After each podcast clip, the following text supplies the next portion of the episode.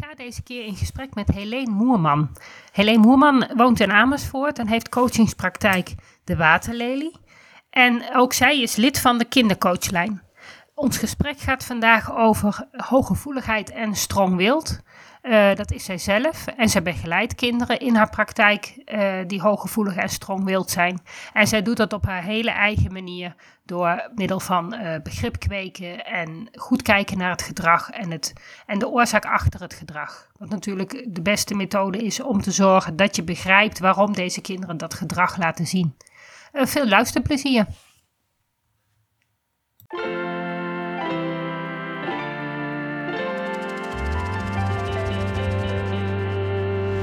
Welkom bij de Beelddenkers podcast.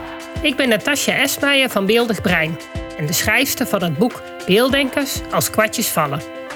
Ik neem jullie mee in de wereld van de beelddenkers.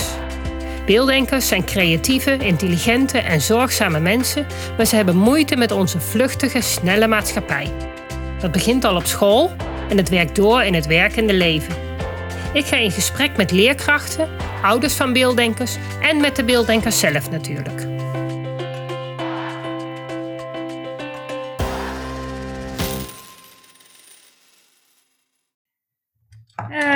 Ja, wij kennen elkaar van de kindercoachlijn. Klopt. Ja, zou je wat over jezelf willen vertellen? Ja, tuurlijk. Ja, um, nou, ik ben dus Helene Moerman, uh, getrouwde naam uh, Wien. Uh, ik ben moeder van twee hooggevoelige strongwild meisjes. Mijn oudste meisje is elf en die is eigenlijk het pittigst van de twee. Mijn jongste meisje is negen. Um, ik ben zelf 46 en um, eigenlijk werk ik al mijn leven lang zeg maar, met kinderen, BSO, kinderopvang, gastouder geweest. En um, ik wist al wel het een en het ander over hooggevoeligheid, maar de combinatie hooggevoelig en strong will, die had ik niet zo in het vizier. Dat kwam eigenlijk uh, met name door mijn oudste toen ze op vijfjarige leeftijd onwijs opstandig was. Toen zijn we naar een uh, speltherapeut geweest om uh, haar te helpen en ons te helpen van wat ligt er nou allemaal aan hè, achter het gedrag. Ik ga er altijd vanuit dat er een grondslag ligt achter het gedrag. Het is nooit zomaar. En um, zij was eigenlijk de eerste die ons uh, aanmerkte van ja, weet je, ze is niet alleen heel sterk in haar wil, maar ze is ook heel gevoelig. En door haar sterke wil had ik die gevoeligheid gemist. Ja, kan ik me iets voorstellen. Ja, en uh, vanaf dat moment uh, zijn we ons daarin gaan verdiepen. Als ouders zijn ben ik me daar ook in gaan verdiepen. Gewoon omdat ik me ontzettend uh, ja, interesseerde ervoor. En het triggerde mij. En ik kreeg daardoor ook heel veel inzicht over mezelf. En ik kan nu eigenlijk ook wel met hardop zeggen dat ik zelf ook hooggevoelig en strongwild ben. En uh, ja, dat heeft ons uh, handvatten gegeven, zeg maar, om anders naar opvoeding te kijken, anders naar mijn kinderen te kijken. En ik miste uh, een stukje verdieping, omdat ik al heel veel met kinderen deed. En het zo interessant vond wat er eigenlijk gebeurde op het moment dat je weet waar, gedrag vandaan komt. Hoe, hoe het werkt in zo'n brein en hoe het werkt in het hele systeem van het kind ben ik me gaan opleiden tot kindercoach. Dat is eigenlijk de grondslag geweest om kindercoaching te willen gaan doen. En ik merk aan mezelf dat dat ook zeker nog niet het eindstation is. Want ik wil eigenlijk uh, nog veel verder groeien, nog veel verder ontwikkelen. Ik ga ook een uh, opleiding doen uh, voor kindertolk. Omdat ik weet, inmiddels ook uit ervaring met mijn eigen kinderen, maar ook gewoon in het reguliere, zeg maar, met kinderen. Er wordt ook heel veel gedrag uh, gespiegeld omdat er iets achter ligt bij de ouder. En dat vind ik ook mega interessant om daarmee aan de slag te gaan. Ja, ja klinkt hartstikke goed. Het is een mooi verhaal. Ja. ja. Ja, dat is even een stukje voor geschiedenis, hoe ik tot kindercoach ben gekomen. Ja, ja nou ja, weet je, kindercoach is natuurlijk, dat word je niet zomaar. Want uh, en ik merk, want je hebt zelf ook twee kinderen, dus ik denk dat het ook fijn is dat je inderdaad gewoon die ervaring mee kan nemen van je eigen kinderen. Want ik neem aan dat het op school niet altijd even makkelijk gelopen is. Nee, zeker niet. En nog steeds wel eens niet. Nee. Ja, het, het schoolsysteem is uh, niet altijd even uh, toegankelijk voor alle type kinderen, zeg ik wel eens. Nee. Als je er niet helemaal lekker in past, omdat je gewoon anders, anders werkt, je brein anders werkt, je, je emotieregulatie anders werkt, je prikkelverwerking anders werkt, dan kan het gewoon best een uitdaging zijn om goed mee te komen. Ja, ja dat zie ik natuurlijk ook heel veel langskomen. Ja. Uh, ja, je hebt natuurlijk, uh, ik, ik zit dan bij beelddenkers in het onderwijs. Hooggevoelig stroombeeld is daar een klein onderdeeltje van. Ja. Uh, zijn wel degene met de meeste uitdaging, denk ik, die inderdaad niet echt opvallen als dat ze zo hooggevoelig zijn. Dat ze dat sterke gedrag laten zien. Precies. Die, en die precies weten wat. Uh, ja. Heb ja. jij nog. Um, hoe, wat, wat, wat, wat was jouw um, uh, oplossing eigenlijk? Op het moment dat jouw kind op school niet, uh, niet, niet lekker meekwam. En je bent toen gaan, gaan, nou ja, kwam erachter van het dus hooggevoelig stroomwild. Wat, wat heeft het doen keren? Nou, het, het, is niet een trucje of zo. En nee, uh, ik. wat ik ook heel vaak merk aan ouders die zeg maar vastlopen op gedrag van kinderen, die willen het liefst een puzzelstuk. En als we het zomaar doen, dan is het opgelost. Ja, dan hebben we er geen last meer van. Dan heeft de kind er geen last meer van en dan zijn we, ja, tussen aanhalingstekens, weer normaal. Ja, ja, ja. Nee, dat klopt. Maar ja, dat kan niet. Dat, daar ben ik ook al lang achter. Dat, uh... ik, ik denk dat de, de, de uh, oplossing zit in een verandering in je basishouding. Dat je niet meer uh, kijkt naar gedrag als lastig of ingewikkeld of moeilijk, maar dat je kijkt naar gedrag als een handreiking voor help me nou, zie me nou, wil je me alsjeblieft, hè? wil je me alsjeblieft begrijpen? Ja. Als hoe dwarser mijn kind is, hoe meer er in haar binnenwereld niet lekker zit. En als ik dan alleen maar ga focussen op dat dwarse gedrag, dan kom ik niet bij die binnenwereld. Want daar ga je maal aan voorheen. Terwijl als je dan gaat erkennen en gaat benoemen en aandacht gaat geven aan wat er te grondslag ligt onder het gedrag, dan wil ik niet zeggen dat gedrag altijd meteen opgelost is, maar er is wel een verandering. Ja. Ik denk dat dat ook de kern is van alle mensen. Hè? Ik denk ook dat dat van uh, of je nou hooggevoelig stroom wilt, of autisme, of ADHD, of maakt niet uit wat erachter zit. Um, nou ja, hoogbegaafde kinderen hebben ook vaak dwarsgedrag, omdat ze gewoon niet begrepen worden. Ik denk dat dat inderdaad voor, voor eigenlijk, nou ja, en ik neem maar dat ook bij de taaldenkers kinderen zijn die Zeker. met dyslexie, met, nou ja, wat je, wat je dan ook uh, hebt wat, wat anders is dan bij het gemiddelde kind. Uh, het is lastig als jij het moet doen in een systeem wat niet werkt. Precies, als je niet past. Ja, als je niet past, dan, dan, dan ja, en dat uitzicht dan bij de ene kind in teruggetrokken gedrag en ik pas me wel aan en zichzelf wegcijferen. Nou ja, heb je een sterke wil? Of is, het maat, is de maat zodanig vol dat het gewoon niet meer kan? Ja, dan laten ze gedrag dat niet, niet geaccepteerd wordt. Ja, ja precies. En, je vaak de schuld en dan... Uh, ja, dus, ja, het heeft erg te maken met uh, um, ook je karakter. Hè? Ben jij heel erg introvert en wat verlegen, dan is het natuurlijk niet zo, maar dat je ermen overstroomt en dat je dan staat stampen in de klas. Maar ben je een heel extravert type, iemand die ook graag gewoon uh, die prikkels heeft, hè, want het is natuurlijk ook nog een vorm dat je toch wel bepaalde prikkels nodig hebt om je oké okay te voelen, dan, dan, ja, dan, dan is het vaker het onaangepaste gedrag wat er dan wordt gezien. Ja. En stille kinderen in de klas, die hebben even goed moeilijk, alleen die vallen niet zo op. Nee, maar die kroppen het meer op en die zullen sneller depressief worden. Precies, die, ja. Ja, maar die, daar heb je dan wel geen last van. Of die hebben dan thuis weer die uitbarstingen. En die hebben dan vaak inderdaad thuis dat ze thuis onhandelbaar zijn. En dat de, de ouders iets even, ja, maar zien jullie dat gedrag op school niet? Nee, dat gedrag Ja, laten ze dan op school niet zien. Nee. Dus dat is net zo gevaarlijk. Wat dat betreft kun je nog beter een kind hebben dat het wel uit. Want dan zie je tenminste dat er wat aan de hand is. Ja, ja eens hoor. Hoe harder ze uit de blog vliegen, hoe meer ze worden gezien. Ja. Maar ja, dan nog is er vaak geen oplossing. Want dan wordt er naar het gedrag gekeken. En dan hangen we daar een labeltje aan. En vervolgens wordt er uit die hoek gedacht. En gebeurt er eigenlijk nog niet zoveel. Nee, klopt. En dat vind ik ook best wel heel pijnlijk, zeg maar. Een kind in het regulier onderwijs, wat ik nu op dit moment in het huidige systeem zie, bij ons op school ook, moet eerst finaal vastlopen. Ja. En uh, vervolgens dus uh, niet alleen vastlopen, zeg maar, in het niet mee kunnen komen met de stof, maar ook vastlopen op gedrag, emotioneel vastlopen. Hè? Dat is natuurlijk een heel breed scala voordat er eens een geldpotje loskomt. Uh, en, er en dan nog moet er eerst het juiste labeltje opgeplakt worden. En oh. plakken ze er twee labeltjes op, heb je een probleem. Want dan gaan ze naar elkaar schuiven. Dan krijg je helemaal geen hulp. Nee, klopt. Hoe meer labeltjes, hoe minder hulp. Ook aan de gang nu eigenlijk. Die heeft uh, al sinds groep drie dat er wordt gezegd dat, er, um, uh, dat ze mee wordt genomen in het dyslexieprotocol, zoals ze dat dan zeg maar noemen op school. En dat betekent dat ze meer gemonitord wordt dan de gemiddelde kinderen.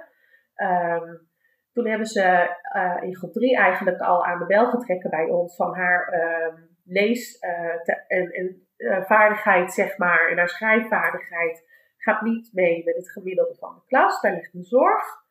Toen hebben ze in groep 4 hebben ze, uh, ons allerlei adviezen gegeven om daar thuis mee aan de slag te gaan. Uh, ze heeft een stukje één op één begeleiding gehad. En eind op groep 4 had ze eigenlijk weer een heel groot deel van haar achterstand ja, ingehaald. En toen werd er eigenlijk gezegd van, ja, we hebben nog steeds zorg, maar ze werkt zo hard, het komt wel goed. En in groep 5 kreeg ze een ander type leerkracht die het allemaal niet zo heel goed zag. En misschien ook gewoon door de corona, hè, want de corona begon toen, uh, andere vorm van onderwijs, veel thuisonderwijs. En ze ging eigenlijk alleen weer helemaal terug naar het achterlopen, het moeilijk vinden. Op een gegeven ogenblik was haar hele intrinsieke motivatie weg. Ze wilde er niet meer voor werken. Ik kan het toch niet. Helemaal faalangstig geworden.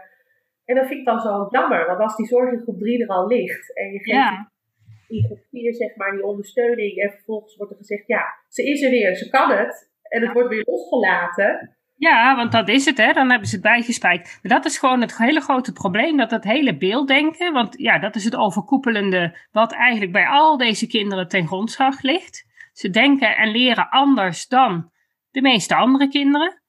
En daar is gewoon nog steeds te weinig kennis over in het onderwijs. En als de kennis er al is, wordt het niet erkend en niet geaccepteerd dat dat ook kan. Dus daar is een hele grote slag te halen. Het feit dat leraren, leerkrachten gewoon kunnen erkennen van, goh, dit kind is een beelddenker, die leert nu eenmaal anders, heeft andere behoeftes. Dat zou gewoon heel helpend zijn.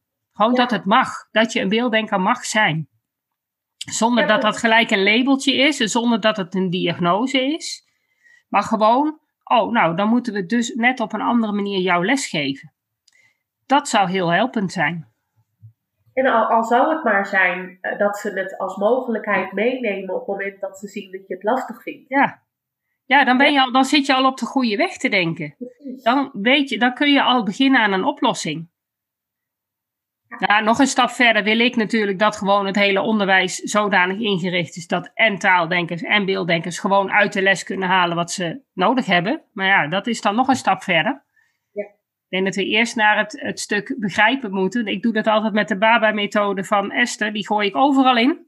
Ja. Ook in de lessen, ook in uh, kinderen bij mij in de praktijk komen. Eerst moet je begrijpen wat er met je aan de hand is. Dan moet je dat zelf accepteren. En dan pas gaan we kijken van, hé, hey, hoe kunnen we het zodanig oplossen dat jij daarmee uit de voeten kan. Precies. Ja. Hoe kan je daar van aanrijden? Ja, en zo moeten ze dat, die hele inhaalslag, dat hele begrijpstuk moeten ze in het onderwijs nog gaan doen. Ja. Er zijn een aantal leerkrachten die jij denk ik ook gehad in groep 3 en in groep 4, dat die, die begrijpen hoe dat werkt. Misschien zijn het zelf al beelddenkers. Nou, bij ons op school niet echt. Uh, ik merk nu in groep 6 alweer zitten. Ja. Dat dat ze nu eigenlijk voor het eerst een leerkracht heeft die uh, bewust is van hoe alles in elkaar grijpt, zeg maar. Die bewust is van gedrag heeft een oorzaak. Um, ook heel erg bezig, vind ik heel knap, maar ook heel erg bezig met uh, je persoonlijke groei naast je leerweg op school. Ja. Ze heeft ook in de klas allemaal van die mooie teksten hangen van Pipi Langkous. Hè. Ik denk dat ik het wel kan. Uh, ik heb het nooit gedaan, maar ik denk dat ik het wel kan zo. En, ja ook heel bewust van de leerkuil bijvoorbeeld. Die hangt ook dan bij hun in de klas in zo'n hele mooie grote poster. En um, op het moment dat je kind dan zeg maar even niet, niet, verder komt in het leren, dan kan ze dat ook heel mooi uitleggen en verwoorden. Ze is ook een van de weinige leerkrachten die ieder kind ziet. Ja. Vind ik heel knap, want zij is daarin echt wel een uitzondering, denk ik. Ja, nou ja, ik heb ook zo'n leerkracht gekend bij mijn oudste dochter. Voor haar was het ook de, de, de, de omkeer dit was een mannelijke uh, meester. En die was zo goed met alle kinderen gewoon zien zoals ze waren. Maar goed, hij was zelf ook uh, een beelddenker. Dus hij, hij had uit eigen ervaring. Maar ja. hij was zo goed voor die klas. En dat, was, ja, dat, dat is gewoon een warm bad voor zo'n kind. En, en sindsdien gaat het met mijn dochter ook gewoon goed. Ja. Ik ben natuurlijk toen ook in dat beelddenken gedoken. Dus dat heeft ook geholpen. Maar ja, dat was wel ook voor mij de omkeer van, hé, hey, beelddenken, dat, want ik ben zelf een taaldenker, dus voor mij is het allemaal, ja, van iemand anders. Ja. Um, maar er zijn zoveel beelddenkers om mij heen, dat ik gewoon inmiddels wel het beeld heb van hoe dat nou ongeveer in zijn hoofd zal gaan. Uh, en dat is zo anders. Ja, ik weet dus niet van mezelf of ik beelddenker ben of niet. Ik vind het ook heel lastig, zeg maar, om daar voor mezelf achter te komen. Ik merk wel dat ik heel visueel ben ingericht, zeg maar. En uh, op het moment dat ik woorden hoor, dan heb ik plaatjes in mijn hoofd. Ik weet niet ja, dat, dat zou wel ongeveer, ongeveer de, de beschrijving van beelddenk. Waarschijnlijk, als jij denkt, heb je ook heel veel associaties met het uit het enorm. Ja, enorm. En waarschijnlijk wil je ook eerst dingen begrijpen voordat je ze echt kan doen. Ja. Nou dat zijn allemaal echte kenmerken naast die hooggevoeligheid en het rechtvaardigheidsgevoel. Dat is eigenlijk de vijf belangrijkste uh, poten van het beelddenken. Waar de taaldenkers echt ook wel plaatjes in hun hoofd hebben. Dol, het is niet zo dat dat iets is wat alleen beelddenkers kunnen. Maar veel meer rechtlijnig denken, veel meer in volgorde denken. Veel meer uh, maar gaan zien wat, wat er komt, want dan ga je gewoon logisch bedenken wat het volgende stapje zal zijn. Ik hoef nog niet het eindpunt te weten. Tuurlijk wil ik ook wel weten wat er allemaal gaat gebeuren, maar zodat ik het in de tijd kan plaatsen. Oh, ja. En dat is heel anders dan dat je eerst alle informatie wil verzamelen. Om, om te weten van, oh ja, nou, dat gaan we allemaal doen. Dan gaan we eraan beginnen. Ja, precies. En dat wordt dan nog wel eens uitgelegd als uh, gebrek aan focus. Maar voor mij werkt dat gewoon het beste. Als ik eerst ja.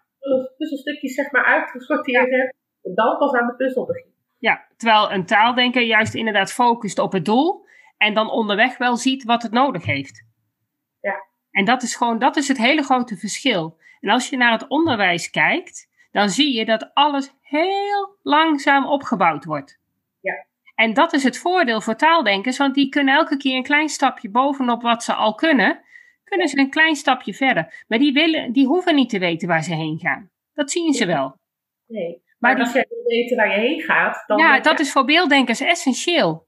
En dat is wat ze gewoon totaal niet krijgen. En dat is ook waarom uh, heel veel beelddenkers zijn, hebben best wel een hele hoge intelligentie. Maar die komt er helemaal niet uit, want die intelligentie wordt niet gevoed. Uh, voor, voor, taaldenkers is hoe intelligenter je bent, hoe beter het gaat op school. Ja. Voor beelddenkers is dat helemaal niet het geval. Als je een hogere intelligentie hebt, heb je wel de kracht om te compenseren. Maar ja, je krijgt niet genoeg informatie. En hoe intelligenter je bent, hoe minder informatie je eigenlijk krijgt. Hoe meer informatie je nodig hebt. Ja. Want jouw plaatje, ja, dit is in je hoofd juist. Wil je juist al die details weten, al die kleine dingetjes wil je weten. Maar je krijgt niks. En daar gaat het fout. Ja. En, en dan wordt het dus al heel fout. Het komt er niet uit. Hè? Dat zijn dan van die standaard zinnen die je dan ook ja. ja. hoort. Dat bij mij op school vroeger over mij altijd gezegd. Maar ik hoor het bij mijn eigen kinderen ook terug. Als je het ja. maar we weten niet hoe erbij komen. Het komt er niet nee, uit. Nou ja, door ze gewoon inderdaad genoeg informatie te geven. Door ze al een, een, een jaar verder te laten rekenen. En dan pas weer terug te gaan van, hé hey jongens, gewoon leg het hele getalsysteem uit. Snap waar ze mee bezig zijn. Ja. Maar dat doen ze niet. Dat wordt gewoon niet gedaan. En dat is gewoon heel jammer, want ze blijven maar gewoon herhalen. En, en nou ja, dat herhalen worden ze helemaal gek van. Ja, als je het eenmaal weet, ja, prima. Maar herhalen leidt niet tot begrijpen. Automatiseren is dan ook zo'n sleutelwoord. Hè? Automatiseren. En dan denk ja, automatiseren klinkt heel mooi. Mm. Maar als je het niet snapt, dan blijft het, het blijft niet. Nee, daarom. Een beelddenker moet echt begrijpen. En, en dat een, een beelddenkbrein is zo anders bedraad. Anders, het heeft allemaal, gaat alle kanten op. Dus het gaat niet elke keer via hetzelfde paadje. Dus je kan niet van die, van die sterke hersenpaadjes maken, zoals dat bij taaldenkers wel gebeurt. En dat is hun manier van leren. Prima. Dus heb je een taaldenker voor je, dan moet hij automatiseren, want dan weet je dat hij aan het leren is. Maar een beelddenker, die kan helemaal niet automatiseren, want dat werkt zo niet. Dus dat, dat, en dat zie je zo vaak. Ik heb een jongetje bij mij in de praktijk en die, nou, die heeft gewoon een laag IQ, prima. En, maar ja, hij moest eerst die sommen tot 20 geautomatiseerd hebben. Nou ja, ik had zoiets van, weet je, we gaan verder.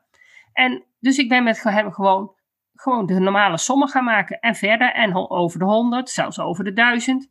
En nu doet hij gewoon weer met groep 6 mee. En hij heeft natuurlijk nog steeds dat lage IQ, maar hij kan wel alle sommen maken. Maar hij heeft nog steeds die sommen tot 20 niet geautomatiseerd. Hij kan ze uitrekenen, maar niet geautomatiseerd. Maar ja, dat is niet het belangrijkste.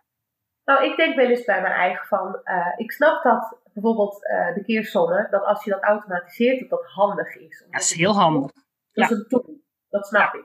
Ja. Maar als je weet hoe het werkt, kom je er ook wel. Ja, het is alleen als je wat verder komt, dan, is het, dan wordt er op ge, uh, gefocust dat jij dus die keersommen uit je hoofd kent en dus gelijk ziet dat als je een deelsom hebt, dat dat dus het omgekeerde van die keersom is. Dan herkennen ze, en dat maakt het makkelijk.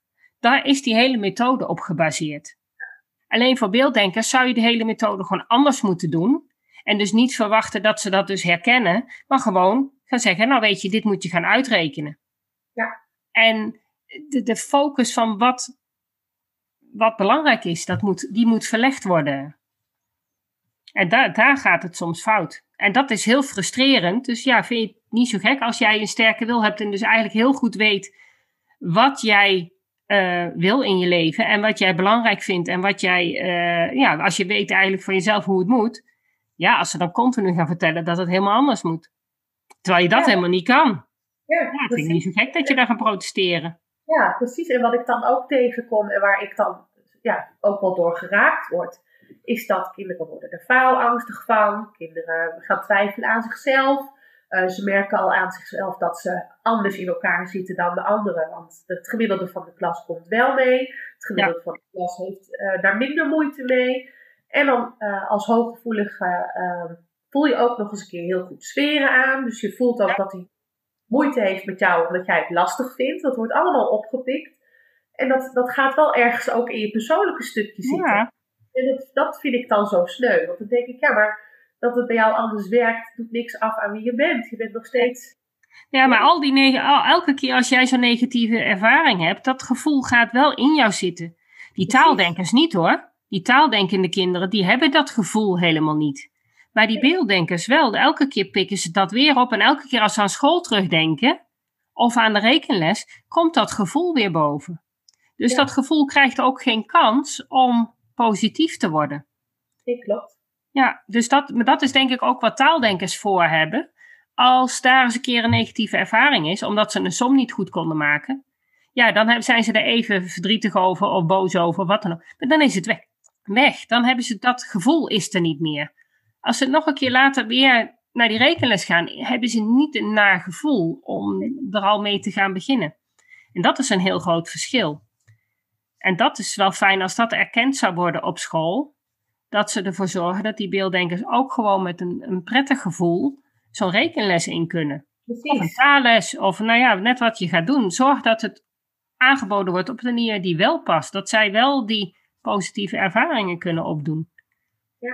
Ja, als je, de, de, meeste mensen hebben sowieso al, wat je ook aangeeft, uh, op het moment dat er iets niet, niet lekker loopt, niet goed gaat, dat, het, dat, dat je dat voelt. Maar als je dan ook hooggevoelig bent, dan wordt het meteen heel groot en heel intens gevoeld. En dan moet je eerst dat weer verwerken, voordat je weer opnieuw er überhaupt aan durft te beginnen. Dan, ja. Daar komen steeds meer drempels te liggen. En uh, ja, ik, ik denk dat als je daar in het systeem anders naar gaat kijken en op een andere manier mee omgaat, dat je ook veel schooluitval kan voorkomen. Oh, zeker. Ja, Omdat heel veel. wordt steeds hoger en hoger. Ja, ja, want dat, dat, en zeker als jij niet zo uh, outgoing bent en je kropt het op, op een gegeven moment zit het vol en komt het er wel uit. Maar ja, dan is het eigenlijk al te laat. Ja, ja precies. Want dat is al jaren opgebouwd en dan moet je dat eerst weer opruimen, wil er weer ruimte komen. Ja, en dat duurt een hele tijd. Ja. Ja. Ja. Ja, hey, je hebt een praktijk, toch? Ja, klopt. Ja. Wat, wat, wat, wat doe jij in jouw praktijk? Wat bied jij, uh, wat bied jij mensen? Uh, nou, ik, ik, moet zeggen dat ik ben nog startende, dus op het moment okay. heb ik nog niet heel veel klanten. En uh, dat, dat geeft ook niet, dat heeft ook gewoon even tijd nodig, een stukje naamsbekendheid ook. Uh, maar waar, waar ik uh, me heel erg op wil richten, waar ik me ook op richt, is echt het stukje hooggevoelig in combinatie met je sterke wil en wat dat dan ook weer doet met je zelfbeeld. Waar we het net ook over hadden, als je zeg maar heel gevoelig bent voor sfeer en voor wat een ander voelt, dan kun je dat voelen als van jezelf en dan kan je in de war raken van, ja maar wie ben ik dan en hoe zit het bij mij dan? En ik denk dat als je over het algemeen uh, hooggevoelige mensen spreekt, zeker als ze al wat ouder zijn, dat, dat iedereen die fase kent van ik heb me raar gevoeld, ik heb me een buitenbeentje gevoeld, ik hoorde er niet bij. En uh, op het moment dat je uh, kennis hebt van, ja maar hé, hey, het werkt bij mij gewoon anders en dat is niet raar, dat is gewoon hoe het werkt.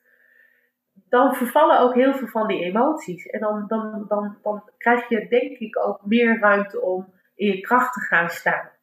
Um, wat, ik, wat ik om me heen zie, uh, wat ik zelf ook heel erg heb ervaren, is dat uh, uh, ja, als, je, als je je dat buitenbeentje eenmaal voelt, dan ga je je er ook een beetje naar gedragen. Hmm. In mijn geval heeft dat het resultaat gehad dat ik heel lang heel behoorlijk ben gepest op school, omdat ik mij ook als een buitenbeentje gedroeg. Ja. En ja, dat is... straalt het ook uit, hè? Je, je voelt jezelf onzeker en dat straal je uit. Ja, en dat wordt een interactie. En uh, ik ben ook op een gegeven ogenblik uh, naar een school gegaan waar niemand van mijn huidige pesters op dat moment zaten. Het was een hele nieuwe start met een hele nieuwe school met allemaal nieuwe mensen. Maar het begon gewoon weer opnieuw. Omdat ik op dat moment niet uh, oké okay was met mezelf. En wat je zegt, dat straal je uit. En dat wordt opgepikt. En ja, daar word je dan op, op, op, ja, hoe zeg je dat, op aangesproken, op aangepakt. Daar wordt op gereageerd. Ja. Dus uh, ja, dat is ook wel een rode draad die bij mij uh, heel erg speelt. Van uh, kinderen in hun kracht zetten van je bent oké. Okay, ja. Volwassenen overigens. Ja, ik wou net zeggen, doe jij gelijk de ouders mee? Neem jij de, de ouders mee? Ja, dat is wel mijn intentie. Ja. En ik ben nu op dit moment ook geen kindercoaching aan het doen, maar ik mag wel een volwassene begeleiden. Ja. Die ook een heel groot pestverleden heeft en ook allerlei thematiek heeft meegemaakt. En nu pas eigenlijk op haar 36e erachter komt dat ze daadwerkelijk hooggevoelig is. Ja. En uh, met haar ben ik ook heel erg bezig met uh, ja, het, het geven van de puzzelstukjes. Van het werkt voor jou gewoon anders. En uit dit stukje komt dat voort. En dat heeft allemaal met elkaar te maken. En op het moment dat je steeds meer over jezelf leert, over jezelf te weten komt en accepteert en visualiseert, dan kun je op een gegeven ogenblik ook echt dingen opruimen, waardoor je anders in het leven staat. Ja, ja mooi. Ja, ja heel mooi. Ja, en uh, nou ja, we kennen elkaar van de kindercoachlijn. Uh, dat is een, een, uh, een bellijn waar ja, ouders die met een probleem zitten en naartoe kunnen bellen. En waar kunnen ze jou voor bellen? Nou, ik denk dat het antwoord al wel duidelijk is. Ja, nou ja, hooggevoelig sterke wil. Ja zelfbeeld, uh, prikkelverwerking, want daar heb ik ook wel aardig wat kennis van. En uh, ook slapen, zeker ook het slapen. Op het moment dat jij hooggevoelig bent en je hele emmer loopt over aan het einde van de dag, dan heeft dat zoveel invloed op het slapen. Ja, ja mooi.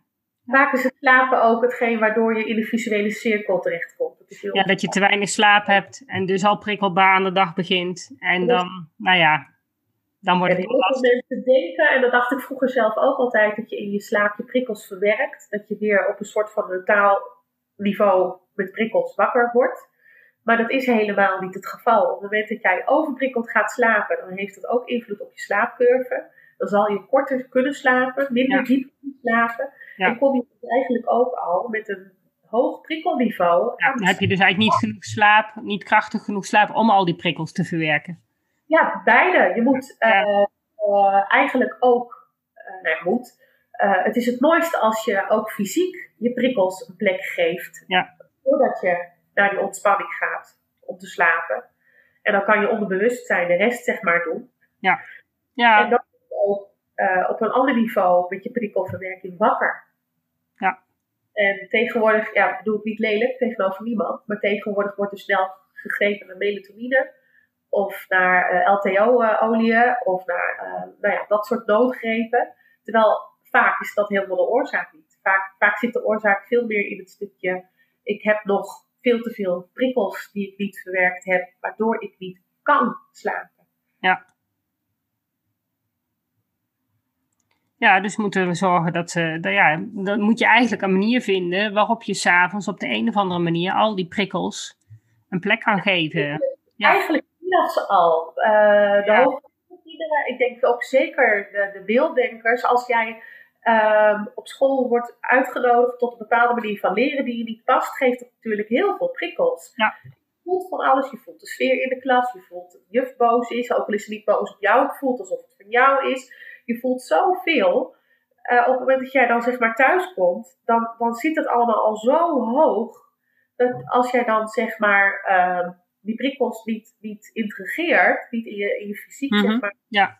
je geeft, dan, dan kom je ook simpelweg niet makkelijk tot rust. Nee. En heel veel mensen denken van ja, dan zet ik mijn kind voor de televisie of we doen gewoon de hele middag lekker rustig aan. Maar prikkels verwerk je niet alleen maar met rust. Soms is het juist ook door fysiek bezig te zijn. Op de trampoline of eh, ja, eh, rennen met een bal tegen een muur trappen. Eh, het moet ook gewoon integreren in je fysiek, zeg maar. Ja, maar is dat ook niet heel persoonlijk hoe dat bij iemand gaat? Zeker, zeker. En dat is ook heel persoonlijk hoe jij je prikkels oppikt. Ja.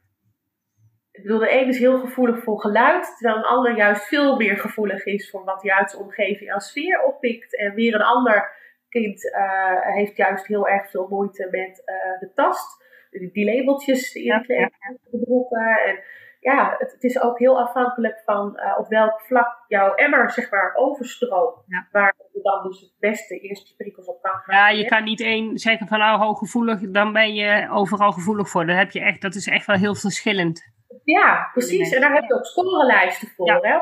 Kind bij mij in mijn praktijk zou komen en de moeder zou zeggen van joh, eh, hè, ze loopt zo over, ze heeft zoveel prikkels, dan zou het eerste zijn wat ik zou doen, is die scorelijst samen. Ja. Op welk niveau komen die prikkels dan binnen? En dat is dan dus jouw ingang ook.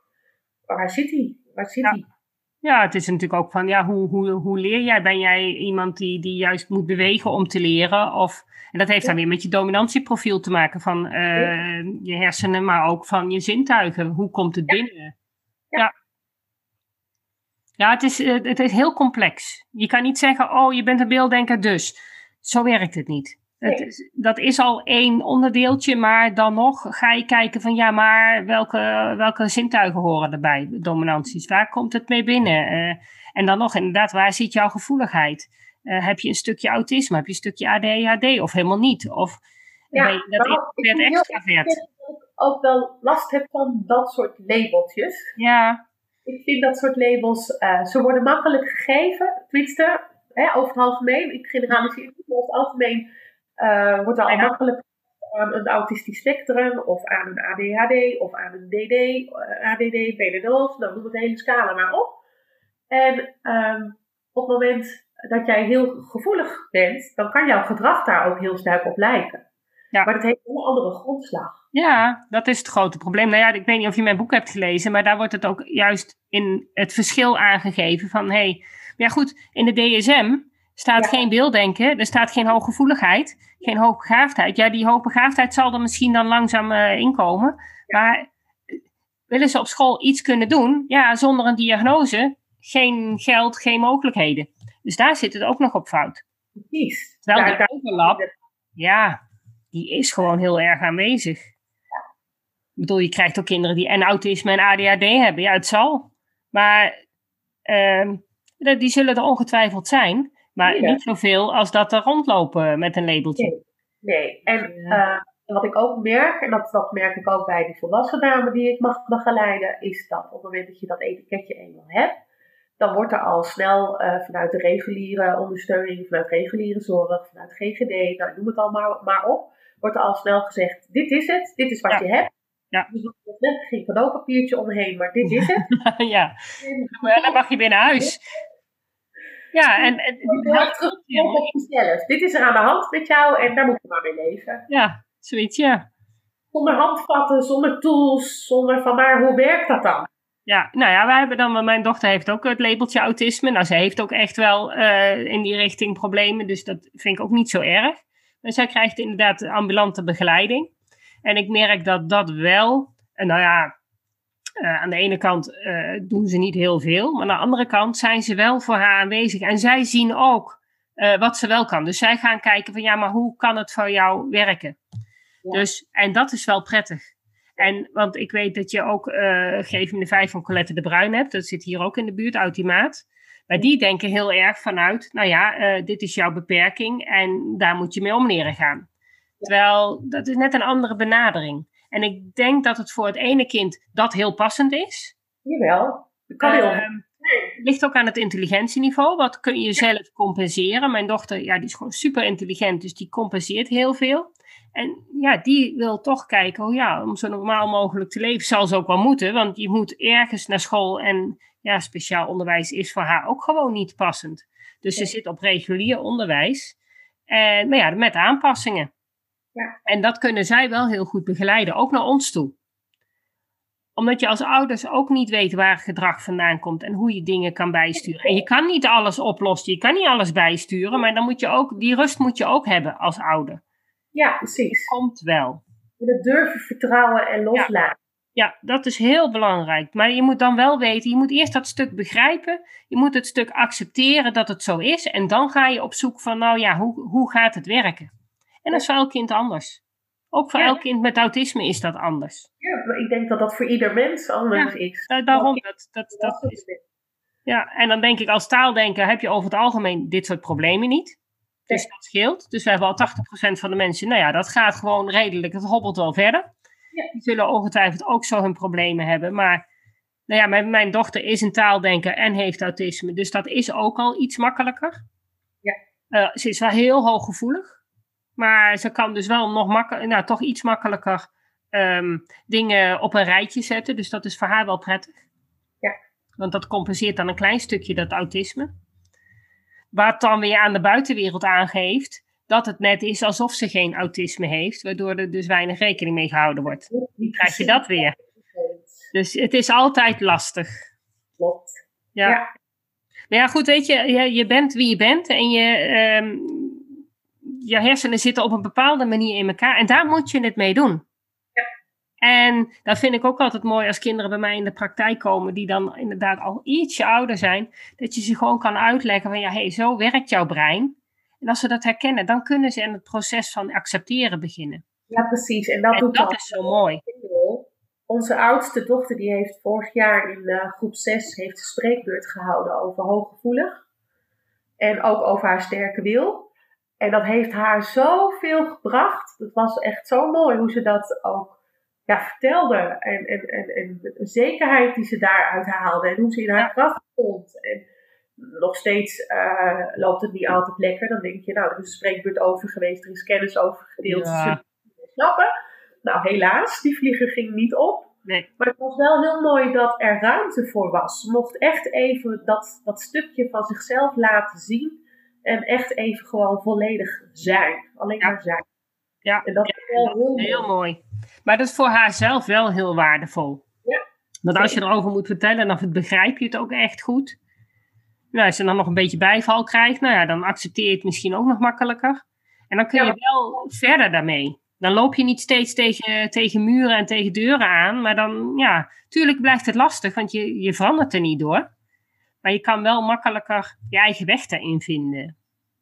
Ja, en er ontstaat ruimte. Dus er ontstaat ook acceptatie. Oh, maar er was ook een kindje naar haar toegekomen. Die had gezegd, oh, ik wist helemaal niet dat het zo bij jou werkte. Wat bijzonder.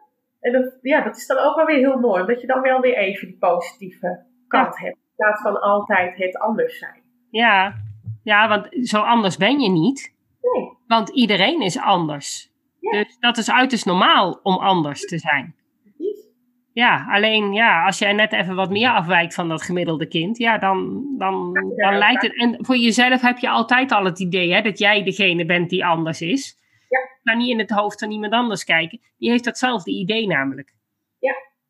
Alleen dat zie je niet. En dat, dat, dat, dat laten ze natuurlijk ook niet merken. Want dat, niemand wil anders zijn en niemand wil Ja, mijn, mijn oudste dochter die had het op een gegeven moment omarmd dat ze anders was.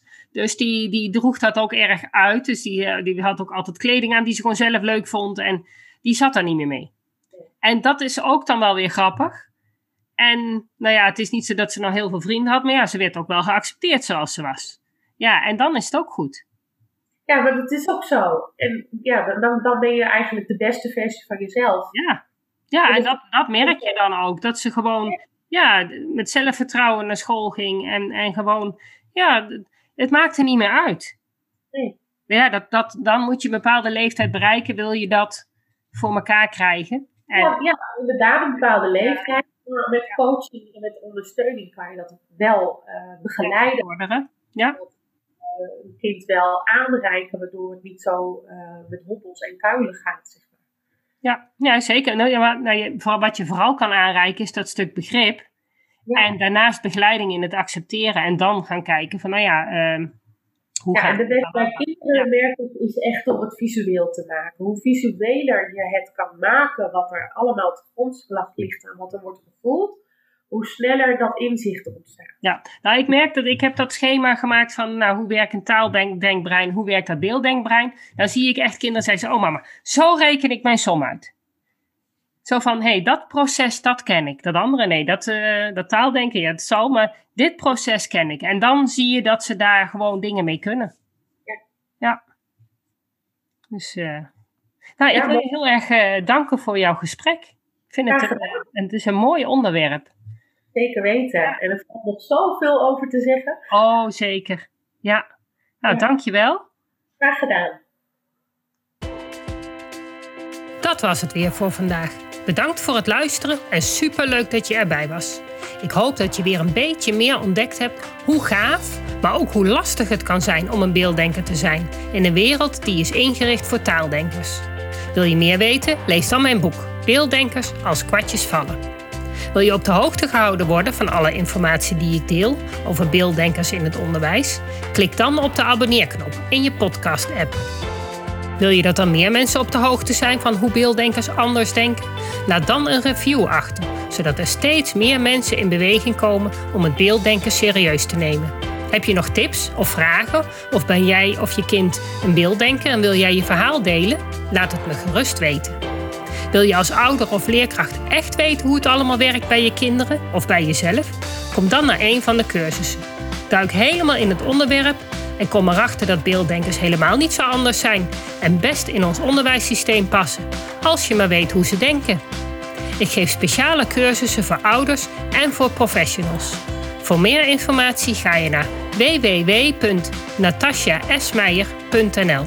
Samen gaan we voor een beelddenkvriendelijke wereld.